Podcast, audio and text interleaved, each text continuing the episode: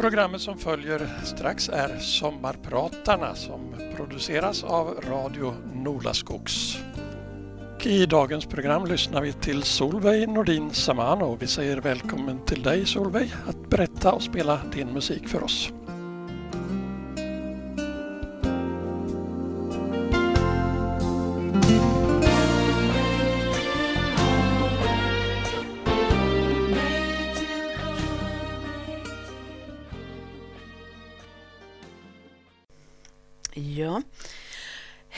Du som lyssnar.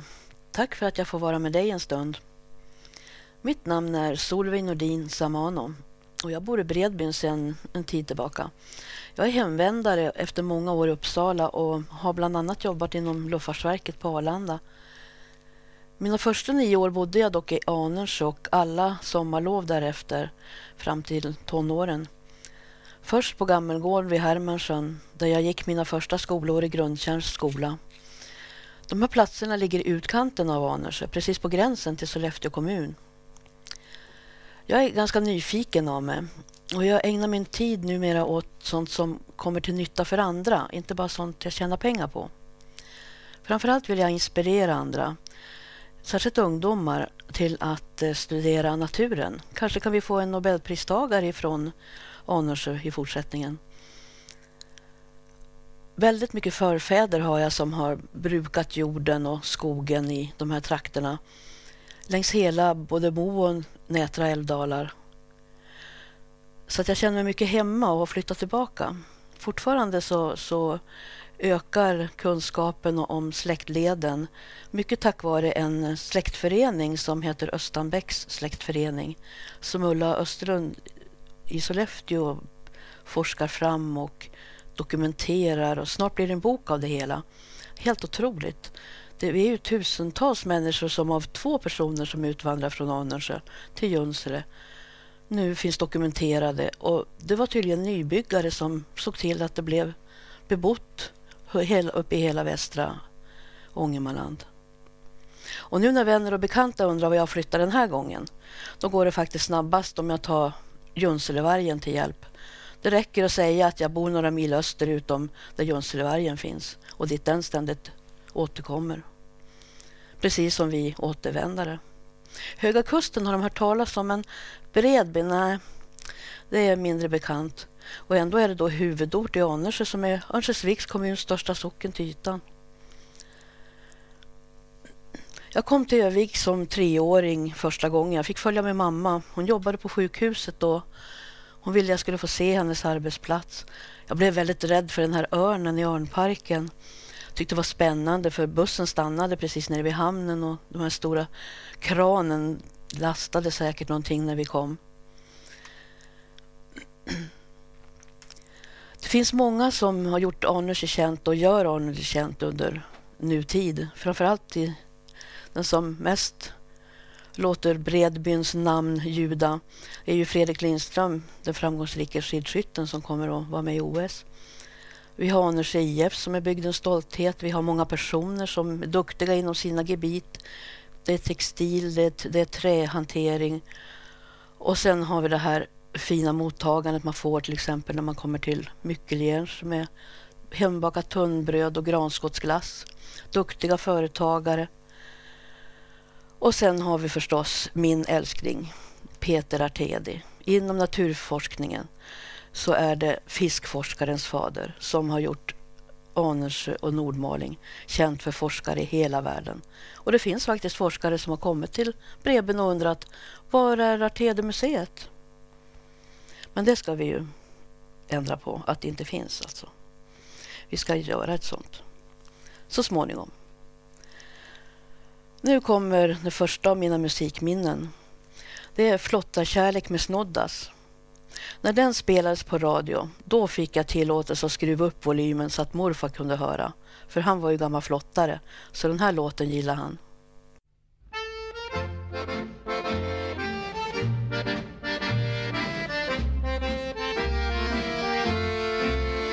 Jag var ung en gång för länge sen En flottare med färg. Alla jäntor var som vax ut i min famn.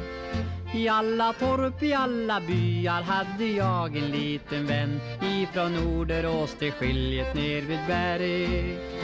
Hadderian haddera, hadderian haddera Ifrån Norderås till skiljet ner vid berg jag har spelat på mitt handklaver för flotta Revidån Jag har spelat för små kullorna på Näs. Jag har dansat över forsarna med älvor och med rån Medan daggen gått till ro på ängens gräs.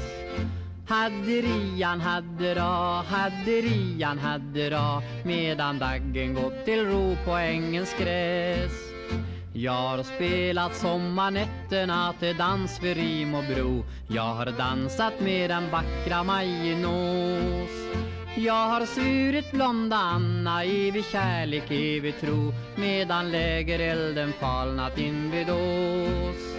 Hadderian haddera, hadderian haddera Medan lägerelden falnat invid Ås jag har spelat för de kära där som Norrsjöns flammor gå över sätrarna vid Östervåla fjäll. Jag har slumrat i min farkost där som vildmarkspulsar slå medan stjärnorna gått back på himlens fäll. Hadderian haddera, hadderian haddera medan stjärnorna gått back på himlens fäll. Jag ska spela på mitt bälgaspel så länge jag finns till i min koja in vid Rekaforsens fall. Jag ska drömma, jag ska älska, jag ska sjunga om jag vill medan månen över moarna går vall. Hadderian haddera, hadderian haddera medan månen över moarna går vall. Jag växte upp på en enslig plats har jag förstått nu som vuxen. På fjället säger folk. Visserligen låg Gammelgård på 325 meter över havet så det var rätt kallt på vintern och svalt på sommarkvällarna. Vi hade ju inte så mycket grannar och vägen kom dit när jag var tre år. Det var idylliskt att få växa upp där och en del av vardagens arbete som med mjölkning och kärna smör och hämta korna på skogen. Och det var ju roligt, man fick ju lära sig någonting. Ibland fick jag följa med morfar till skogen och åka efter nordsvensken Brunte. Ibland så busade jag och lockade honom med sockerbitar, hästen alltså, när han gick på bete, klättrade upp på ryggen för att rida en bit. Men en granne såg det där och skvallrade, så det var slut på det nöjet. Det var ju naturligtvis dumt att rida i den där skogen med stenarna, men de hade väl kunnat leda hästen några meter ibland så hade jag fått rida i säkerhet. Det var där jag fick höra talas om Linné och Skuleberget för första gången när jag frågade vad olika växter hette. Där på gården så hände det att vattnet frös på vintern och då fick vi hämta sjövatten i en stor trälåda för att få vatten till djuren. Det mesta som man behövde på gården tillverkades. Morfar var expert på att se ut ämnen till, i olika trästammar och han bevakade tillväxten för sånt som skulle bli skacklar och andra nödvändigheter till gården. De flyttade från gården Gammelgård 1966 från Hermansjön. De flyttade två mil söderut till Holm i Byvattnet. Och då var de 70 och 78 år gamla, men de levde tills över 95 år båda två. När jag började skolan då bodde jag en mil norrut i Grundtjärn. Där fanns det 21, 28 gårdar och jag bodde mitt i byn, mitt emot skolan. Det var inte meningen att jag skulle börja skolan när jag var knappt sex år men när de andra barnen gick till skolan så gjorde jag det också. Så jag fick börja på prov och jag blev kvar och fick lära mig att läsa och skriva fast jag faktiskt inte hade åldern inne. Så jag lärde mig läsa breven från släkten i Kanada och skriva små berättelser själv. Det var en B-skola så att det var intagning vartannat år och jag stortrivdes för jag kunde ju sitta och lyssna på när trean och femman hade lektion och det var mycket intressantare än våra lektion. Jag tyckte mycket om att skriva berättelser, hitta på. En gång så läste fröken upp den för hela skolan. Det handlade om en julgrans liv från ett litet frö i en grankotte till den torra granen blev uppeldad och askan ströddes ut. Jag beskrev den där granens liv och dess omgivning, dess liv i skogen med djuren och när de bodde där och hur den upplevde att bli avsågad och sen komma in och bo i värmen med människorna. Men ett särskilt minne jag har från grundkärn det är faktiskt när en främmande man kom till skolan, steg in och berättade att vi skulle få flyga i hans flygplan. Det var självaste Gunnar Spökes Andersson, grundare av Jämtlands Flyg AB och fjällräddningen som besökte oss. Och nästa dag så stod vi där spända av förväntan, fick följa med upp i skyn. Det skakar och bullrar när planen ökar farten över den frusna sjön. Husen var så små, vägen ett streck och man såg att Storsjön var riktigt stor. Nu ville jag åka mer för jag ville inte stiga ur planet. Och jag är så otroligt tacksam för den där upplevelsen man fick som nyfiken sjuåring. Man blir ju bara mer nyfiken. Jag skulle vilja tacka honom men tyvärr omkom han i en flygolycka vintern 74. Men företaget drivs vidare i tredje generationen så jag tackade dem istället. Tala om att få fågelperspektiv på saker och ting. Det har säkert betytt någonting i mitt liv. Tack spökis. När jag gick i fyran då var jag i Näsåkers skola. Särskilt väl minns jag Gunnar Lundberg. Han var kantor och ordförande i Ådaslidens hembygdsförening bland annat. Han var min lärare och hans praktiska pedagogik har satt djupa spår i mig. Under lektionerna i svenska läste han högt och vi skrev. Han läste ibland vistexter av Evert Taube för då var de ju användbara även i musik och geografilektionerna. Vi skulle ju lära oss var Sambarombom och Vinga fyr fanns på kartan. Oxdragarsången kände jag särskilt samhörighet med för det påminde ju om att åka bakom Brunte i min barndom.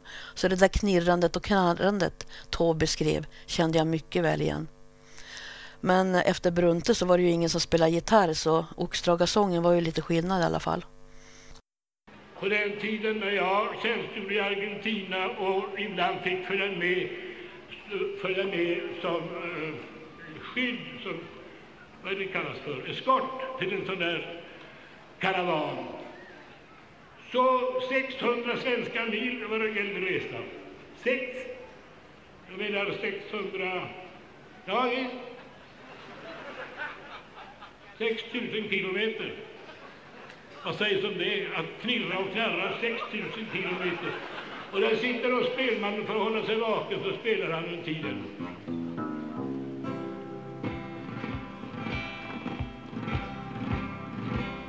Allt bakom oxar ni och stadens sus och dus.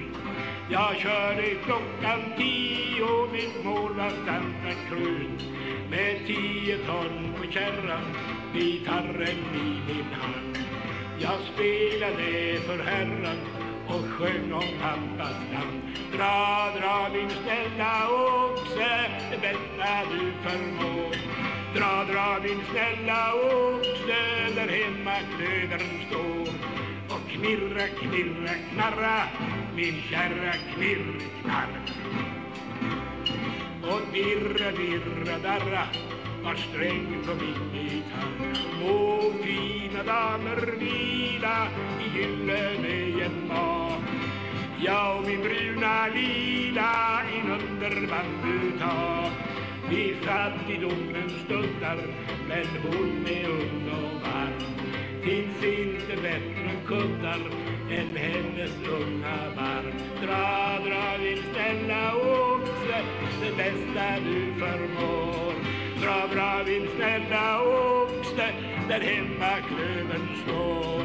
Och knirra, knirra, knarra, min kärra knirr, knarr. Och dirra, dirra, darra, var sträng på min gitarr. Må fina damer vila i gyllene gemak. Jag och min bruna lila i dunderband I fattigdomen snuddar, men hon är ung och varm. Finns inte bättre kuddar än hennes runda vagn. Dra, dra din snälla oxe, det bästa du förmår. Dra, dra min snälla oxe, där hemma klöven står. Näsåkers skola ligger på Nipkanten alldeles ovanför det stora hällristningsområdet nere vid Ångermanälven. Och dit gick vi många gånger. För Gunnar Lundberg använde ju hela omgivningen som, skol, som klassrum. Vi var där nere vid forsen och fick lyssna om hur människorna som hade bott där hade levat och huggit in älgar och andra motiv i klipporna. Det såg vi ju. Han var väldigt noga med att vi skulle lära oss om hembygden och och den listan den innehöll både berg och personer och byggnader. Bland annat skulle vi besöka björnjägaren Fängst, Gustaf Fängström i Fängsjön.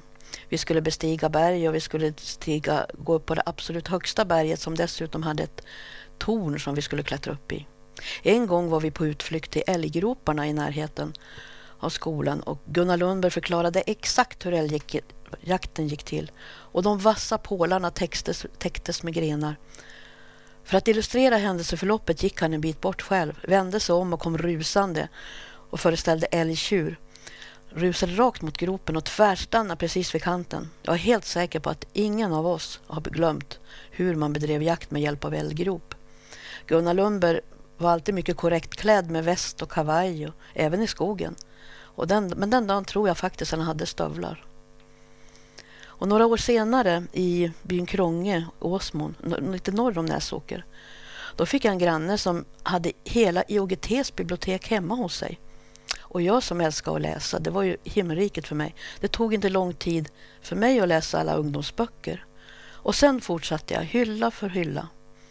Så i böckernas värld reste jag mellan Vilhelm Mobergs miljöer till påhittade berättelser om Gullivers resor.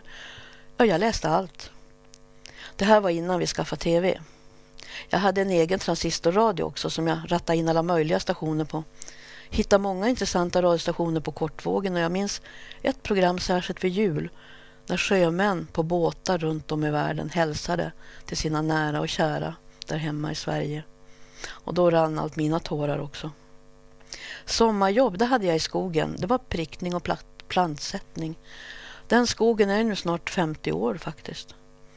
Prickningen var roligast, då fick man gå med de vuxna. Men samvaron med jämnåriga i plantsättningen var också rolig. Och på vintern då plockade jag kottar och sålde. Så jag var faktiskt skogsarbetare. Sen ville jag bli skogvaktare när jag blev äldre, men det fick inte flickor ägna sig åt på den tiden. Men som vuxen har jag haft turen att ha faktiskt många bra lärare. Så förutom att de har varit pedagogiska har de även sett människan i eleven. Under realskoletiden i Ramsele hade jag exempelvis Ivar Hjertqvist som var konstnär. Han var vår teckningslärare. Han lät oss prova mycket, många olika tekniker. Under en skolavslutning blev jag uppropad till scenen och fick motta ett premium med teckning. En bok med hälsning från Ivar Hjertqvist. Jag fick Barbro Karabodas bok om Hongkong med fotografier av maken Guinness. På försättsbladet står förutom mitt namn för flit och framsteg i teckning läsåret 65 64-65 ska det vara. Signerat med Ivar Hjertqvist i IH. Och den boken har jag alltid framme i bokhyllan så jag kan bläddra i den. För det gör så gott att se de där orden ibland. Jag tror nog att boken inspirerar både mitt skrivande och fotograferande. Därför Barbro Karaboda var, var dokumentärfilmare och författare.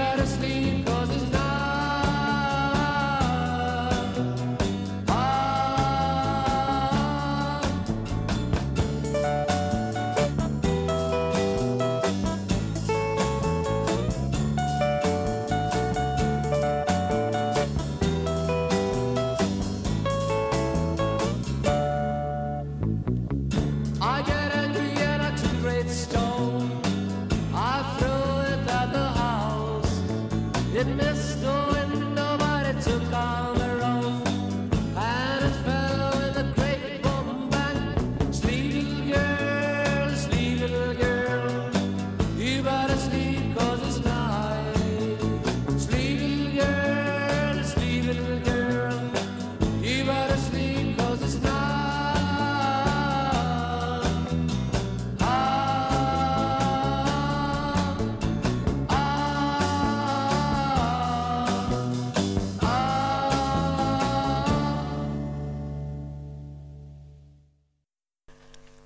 Lyssnat på Tages i Sleep Little Girl. Det var ju en av de här 60-talslåtarna som man lyssnar på dag och natt nästan.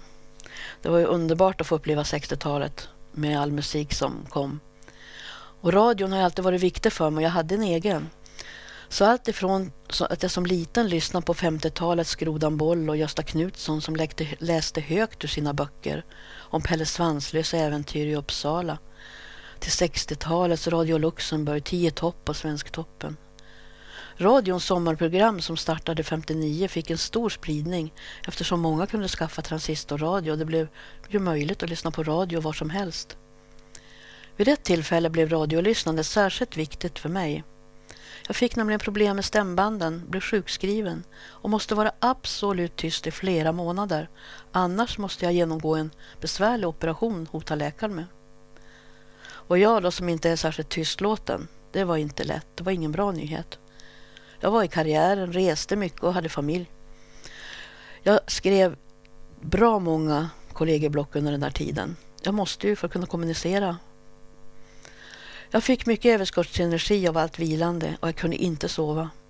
På nätterna när familjen sov lyssnade jag på kortvågsstationer runt om i världen, skrev lyssnarrapporter och skickade. Efterhand så kom det svar. En del vackra vykort och broschyrer i färg och från andra kom det bara ett förtryckt kort i svartvitt. Ett av svaren kom från radiostationen HCJB i Ecuador, Sydamerika. Den hette La Voz de los Andes, Andernas röst. Den stationen startades för 82 år sedan av svenska missionärer och sänder än idag sina kristna och kulturella inslag över världen. De ägnar många program till den indianska kulturyttringarna. Hur som helst var jag på resa i Ecuador några år senare. Jag sökte upp HCJB i huvudstaden Quito och jag blev inbjuden på studiebesök. Jag fick även erbjudande om att medverka i ett inslag sen under veckan. Men jag var på resande fot så det, det blev inget. Men det var roligt att besöka stationen och få träffa de aktiva svenskarna där. Jag hade ju lyssnat på dem när jag var sjuk. Och nu kommer ett minne ifrån Åsele marknad. Blueberry Hill med Fats Domino.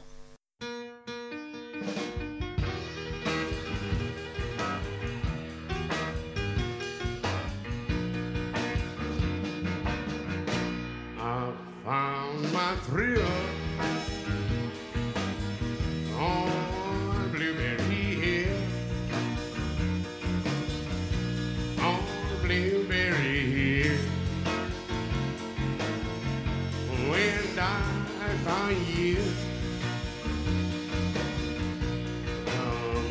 stood still on Blueberry Hill. and lingered until my dream came.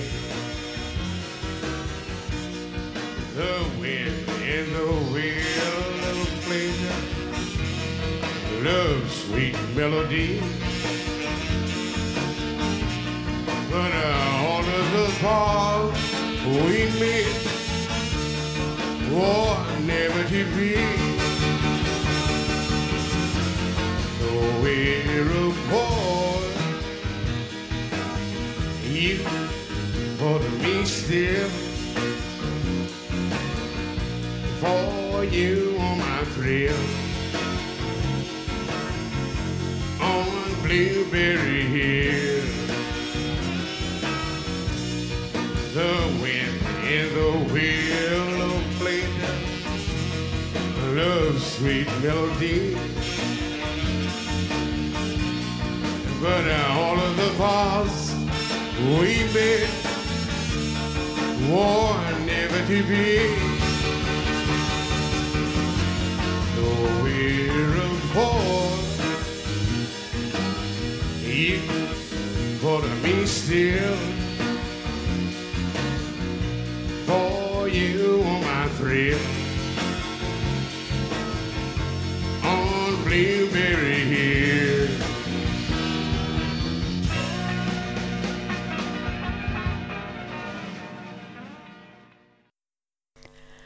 När jag bodde utanför Söderhamn i Hälsingland så fick jag för mig att eh, jag skulle vilja flyga med luftballong över bygden och fotografera. Jag bodde ju vid ett flygfält och tänkte mycket på det där.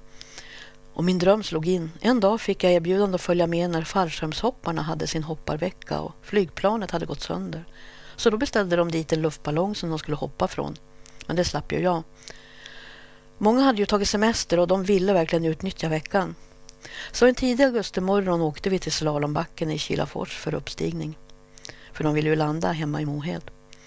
När vi nådde lämplig höjd och position så hoppade fallskärmshopparna och jag fick mer plats i ballongkorgen med piloten. Det var rätt pirrigt att se dem försvinna neråt, men de visste ju vad de gjorde. Och jag hade fullt upp med att fotografera. Det var helt sagolikt och glida med vinden som var svag i den tidiga svala sommarmorgonen var det. Spegelblanka sjöar och kärnar låg under oss och vi gled ljudlöst över gårdarna. Ibland dånade det till när piloten drog på gaslågan för att få mer höjd. Och jag fotograferade hela tiden. Och efter en dryg timme landade vi mjukt i en fårhage i byn Trönö. Ja, det var helt underbart att få flyga på det sättet. Jag hade fått erbjudande förr men aldrig vågat. Och nu drömmer jag om att få flyga över Anundsjöbygden med ballong. Ja, vi får se när det blir. Det är ju egentligen bara att bestämma sig och organisera ihop det.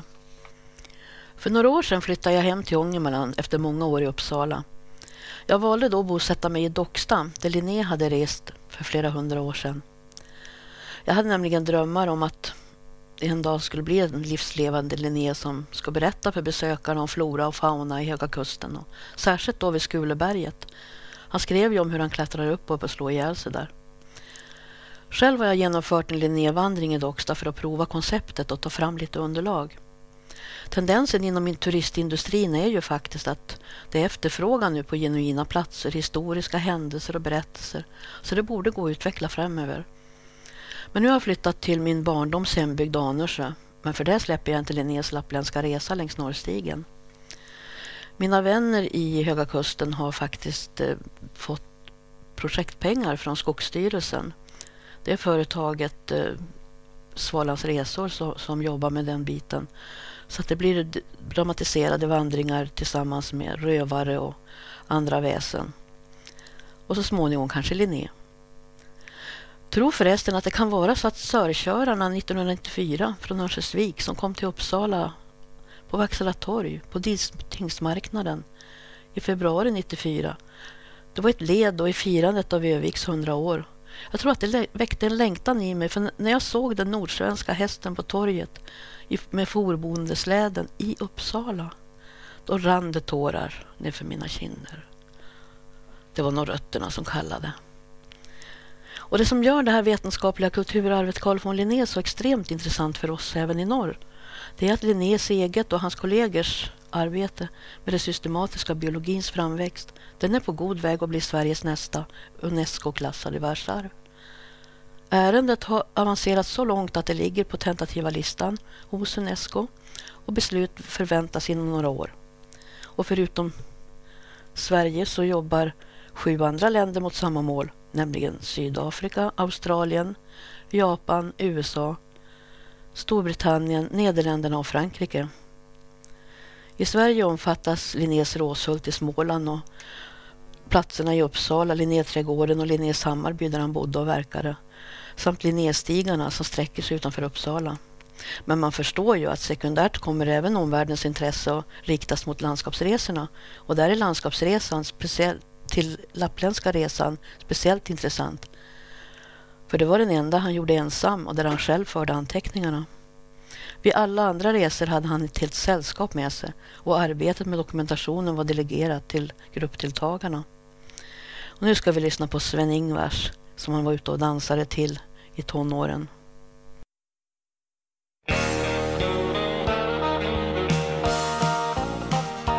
I ett fönster står en flicka spejande mot vägen ner. Hon längtar och hon tittar efter vännen hon ej ser. Men så ringer telefonen, ivrigt svarar hon hallå. Det är han och nu han frågar om på bio hon vill gå. Säg inte nej, säg kanske, kanske, kanske. En dag kan hända jag blir din lilla vän Säg inte nej, säg kanske, kanske, kanske Säger du aldrig, vi ses ej mer igen. På en dörr, det knackar varsamt När en flicka öppnar då Får hon se den som hon älskar Med violer som är blå. Deras blickar hastigt mötas Hennes kinden blir så röd När han frågar vill du älska mig I lust och ut i nöd? Säg inte nej. Säg kanske, kanske, kanske. En dag kan hända. Jag blir din lilla vän. Säg inte nej. Säg kanske, kanske, kanske. Säger du aldrig Vi ses ej mer igen första dansen nyss har slutat. Lördagskvällen är förbi. Tätt intill varandra tryckta Går ett par i svärmeri. Och i kvällan frågar åter Som man mången gång gjort förr. Får jag följa, får jag följa dig ikväll hem till din dörr? Säg inte nej, säg kanske, kanske, kanske.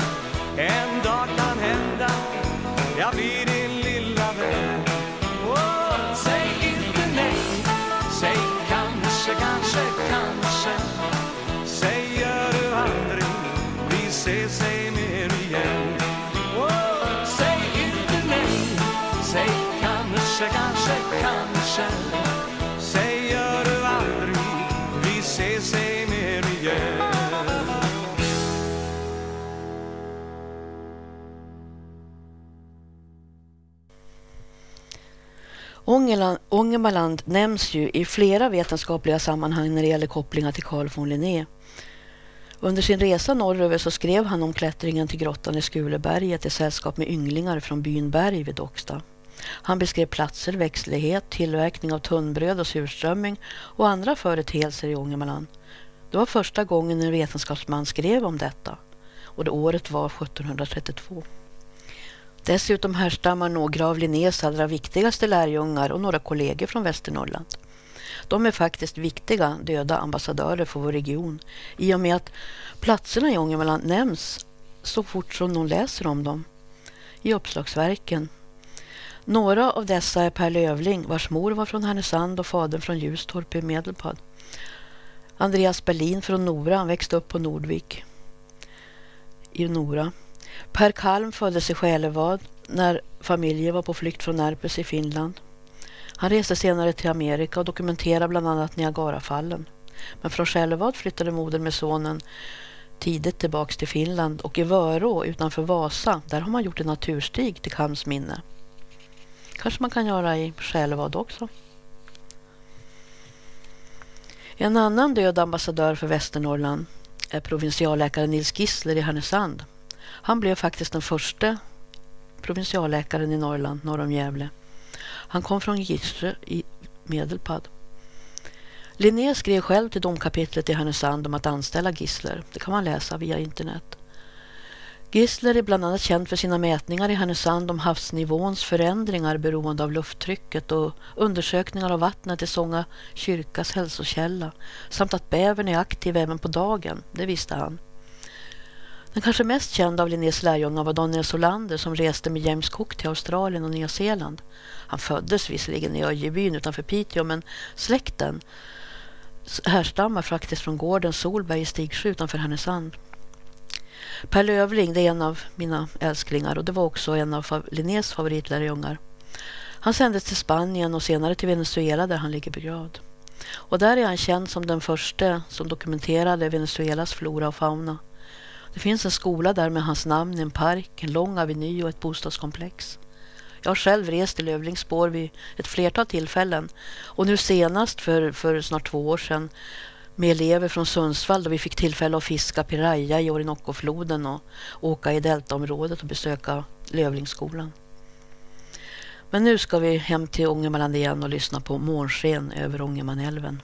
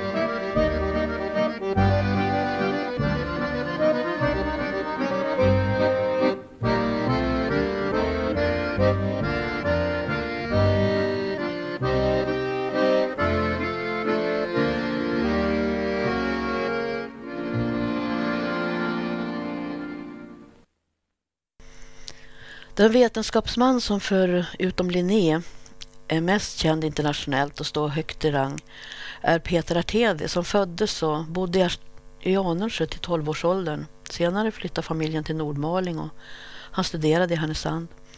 Det var i tidig ålder som Artedi blev intresserad av naturen och särskilt fiskarna men han skrev även en nordmalingsflora i unga år.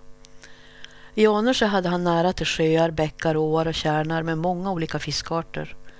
Och ännu fler blev det när familjen flyttade till kusten. Klart att han blev inspirerad och intresserad. Artedi var studiekamrat och kollega med Linné. De var jämbördiga. Artedi var i Uppsala före Linné. Artedi är känd som fiskforskningens fader och han är högst aktuell faktiskt genom att det, det pågår en översättning till svenska av hans eh, verk på latin med klassificering av fiskar som Linné gav ut 1738 efter Artedis död. Detta verk kommer att publiceras under nästa år, nästan 310 år efter Artedes födelse i Anundsjö, om det går igenom precis som det är planerat. Och det är Kungliga Lantbruks- och Skogsakademin i Stockholm som håller i publiceringen. Och akademin har stora förhoppningar om att vi här i Artedes hemtrakter i Ångermanland ska hjälpa till med finansieringen inom företag, organisationer och ja, även privatpersoner är välkomna. Artedes liv det blev kort men hans bidrag är stort. Hans liv slutade i Amsterdam när han var 30 år gammal. I Anundsjö hembygdsförening har vi faktiskt fått pengar för, från Naturvårdsverket för att eh, vi ska utveckla basinformation om Artede på hembygdsgården och utbilda en grupp lärare och elever. Och vi ska själva fortbilda oss och åka på studiebesök. Och I förlängningen ska naturstigen Sagostigen utvecklas och innefatta även information om Artede och flora och fauna. Vi ska inventera fiskar och, och omgivningar i samarbete med skola och forskning. Så de här 1700-talspersonerna, de, de är inte så döda som vi kan tro. Det är vårt vetenskapliga kulturarv och det är högst aktuellt även idag. Och det ska vi ta vara på. Det ger oss många möjligheter.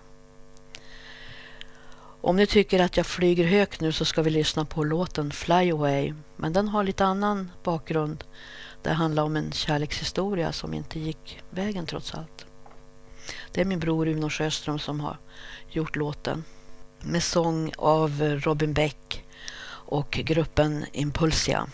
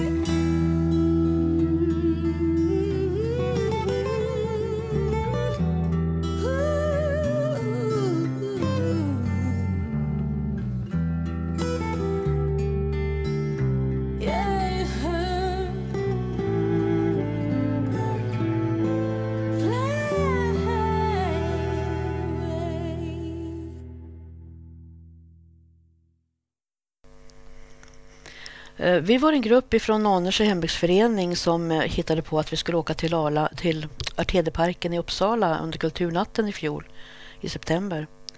Vi hade med oss även en teater, Artedi, i samarbete med Höga Kusten teaterförening. Han mötte de likaledes historiska personerna Carl von Linné och vännen Abraham Beck genom samarbete med Danmarks hembygdsförening som hade erfarenhet av Linné-teaterföreställningar. Medlemmar från hembygdsföreningen i Anundsjö skrev sketcher och framförde dem till vår teater Artedi. Vi läste dikter och berättade skrönor från Anundsjö, visade foton med motiv från Anundsjö, hade fiskdamm och delade ut smakprov av tunnbröd från bygden. Och det visade sig att såväl Artedi-släktingar, många Anundsjöbor och ångermanlänningar i Uppsala samt övriga besökare uppskattade mycket att vi fanns med på Kulturnatten. Så vi kommer att delta även i år med ett kultur- och informationsprogram Äntligen får Uppsalaborna veta vem Artedi är. Han har ju ändå en park längs Fyrisån. Och han får veta, de får veta var han kommer ifrån. De har allt undrat det. Och den 25 kulturnatten i Uppsala går av stapeln lördag den 14 september. Så att när vi intar den centralt belägna Tedeparken längs Fyrisån så har hem, och hembygdsförening med samarbetspartner sin givna plats under kulturnatten. Det är bara vi som ska vara där. Förhoppningsvis kan vi utveckla ett samarbete även med Nordmaling och Marted inom en nära framtid. Och här ska vi lyssna nu på Julio Iglesias som sjunger La vida sigue igual. Och det skrev han faktiskt efter att han hade grusat sin karriär inom fotboll genom att råka ut för en trafikolycka. En sjuksköterska såg hans belägenhet, att han var deppig och han skrev dikter. Så han fick en gitarr och plötsligt så hade Julio Iglesias en ny karriär.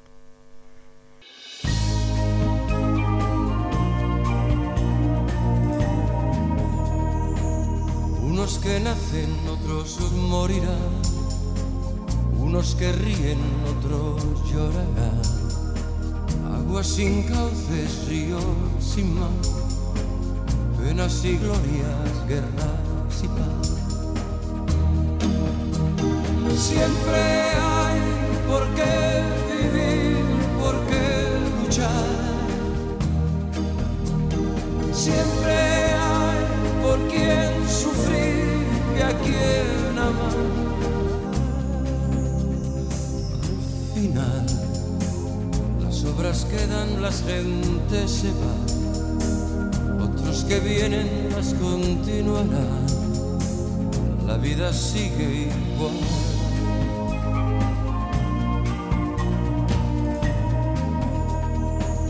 Pocos amigos que son de verdad, cuántos te halagan si triunfando estás, y si fracasas bien comprenderás, los buenos quedan, los demás se van.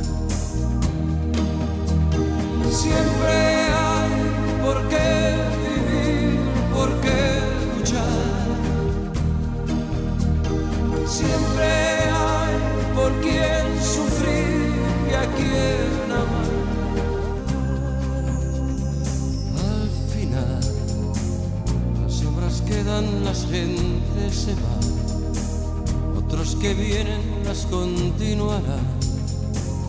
La vida sigue igual final.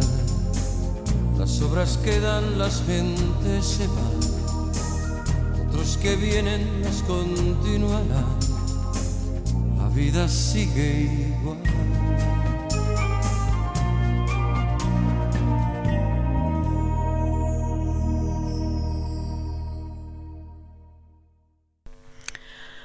Ja, livet, livet handlar ju mycket om drömmar och visioner och planer. Jag hade tänkt arbeta för ett stort projekt inför firandet av Carl von Linné år 2007. Det började jag och tänkte och skissade på redan under 90-talet. Och när Linnéjubileet närmade sig så förberedde i stort sett alla landshövdingar sina länsmedborgare på att kommuner, föreningar, privatpersoner skulle bidra i firandet av Carl von Linné. Så icke i Västernorrland eller Gävleborgs län.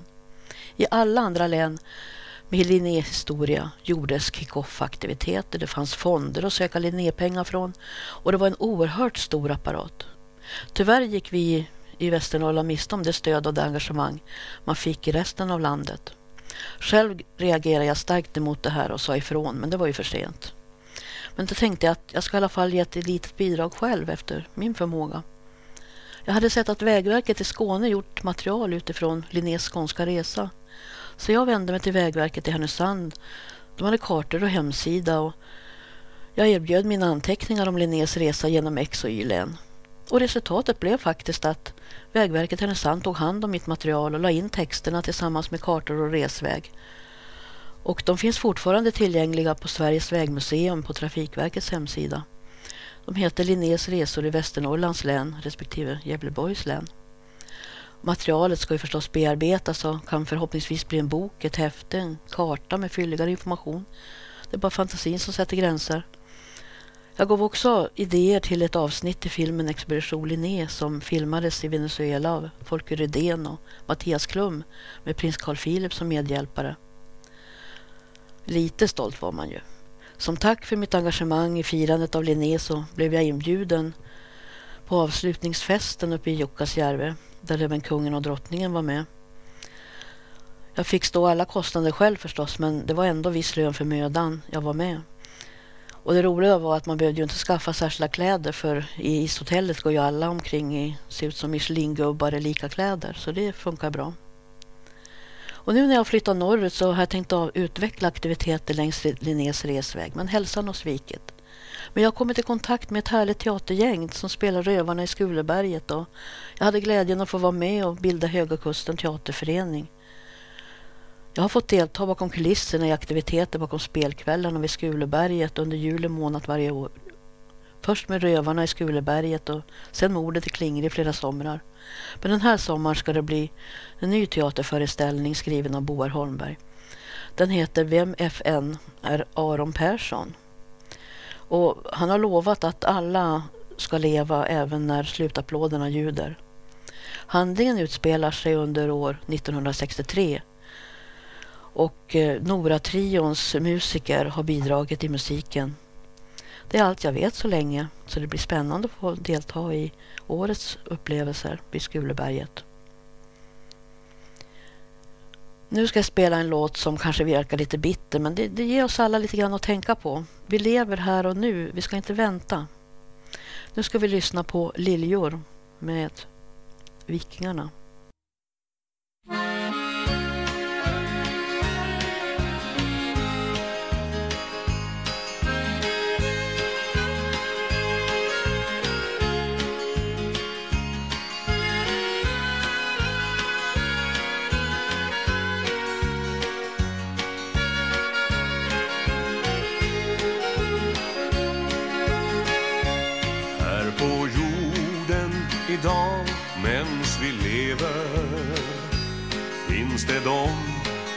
Som ger oss hårda ord. Men sedan när dörrskylten är nere så strör de ofta liljor i vårt hår.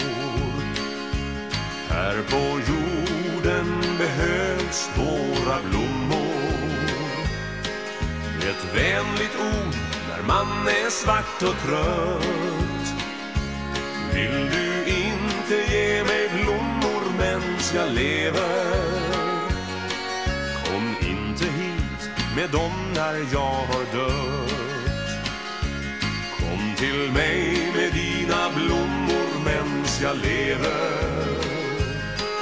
Och låt mig få njuta av en vår Vänta inte tills jag är död och borta. Med att då som först strö liljor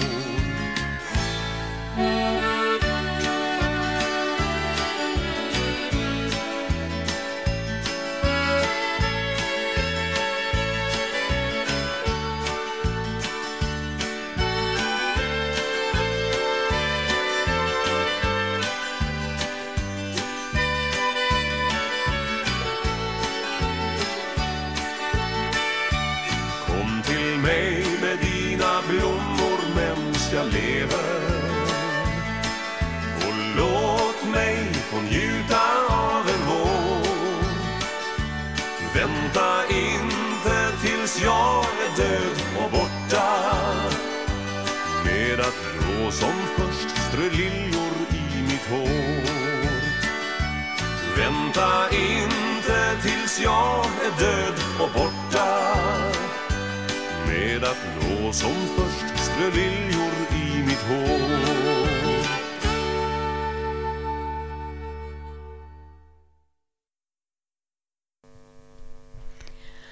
Slutligen vill jag berätta att det är inte självklart att jag kan, man kan säga jag minns, jag kommer ihåg, jag vet att vi gjorde det och det. Att minnena kan ingen ta ifrån en. Jo då. Efter ett par fallolyckor för 14 år sedan så var det slut med mina minnen. Det låter lite konstigt och det är det också. Resultatet blev skador på rygg och nacke, gjorde att jag tappade kopplingar till minnet. Det här radiopratandet hade jag inte kunnat göra för en 5-6 år sedan. Men efter idog minnesträning med hjälp av fotografier, saker, anteckningar, besök på platser jag varit förr, samtal med släktingar och vänner och bekanta har jag lyckats upparbeta nya vägar till mina minnen och vad jag gjort hittills i mitt liv. Ja, fortfarande fattas ju tiotals år men ja, det duger rätt bra i alla fall just nu. Jag som jobbade med ett av Sveriges största miljöärenden på Luftfartsverket, jag hade svårt att ens skriva några sammanhängande rader. Men att koncentrera mig på Linné och hans kollegor och lärjungar, där allting hände i en kronologisk ordning, det har varit min terapi under många år. Kanske därför som jag verkar lite enkelriktad. Men det är det som har, kan man säga, räddat mig. Min dröm, vision och plan nu, det är att jag ska kunna arbeta och få vanlig lön för något litet slags, slags uppdrag innan jag blir ålderspensionär om några år. Och här i breven finns många spännande projekt och två av dem kanske jag kan medverka lite i. Nämligen projektet om unga hembygdsambassadörer som vi startar upp nu och vårt eget då Artede-projekt i Anörsa för information och utbildning. Så framtiden ser mycket ljus ut. Och det gör den också i den här sista låten som heter Josefin. Den har min bror Uno också skrivit tillsammans med sångaren Johan. Och eh, ja, jag kan faktiskt skvallra att Josefin och Uno, de kommer nog gifta sig senare i år. Tack.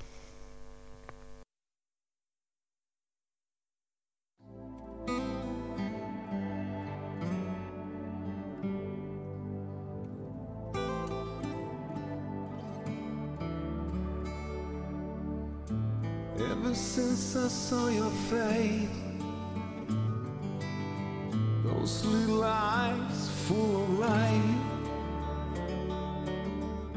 and all the love they held within, you were so beautiful, and you were mine.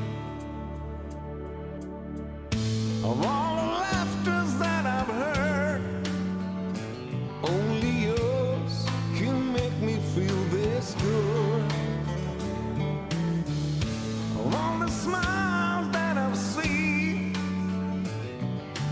no smile like the smile of Josephine.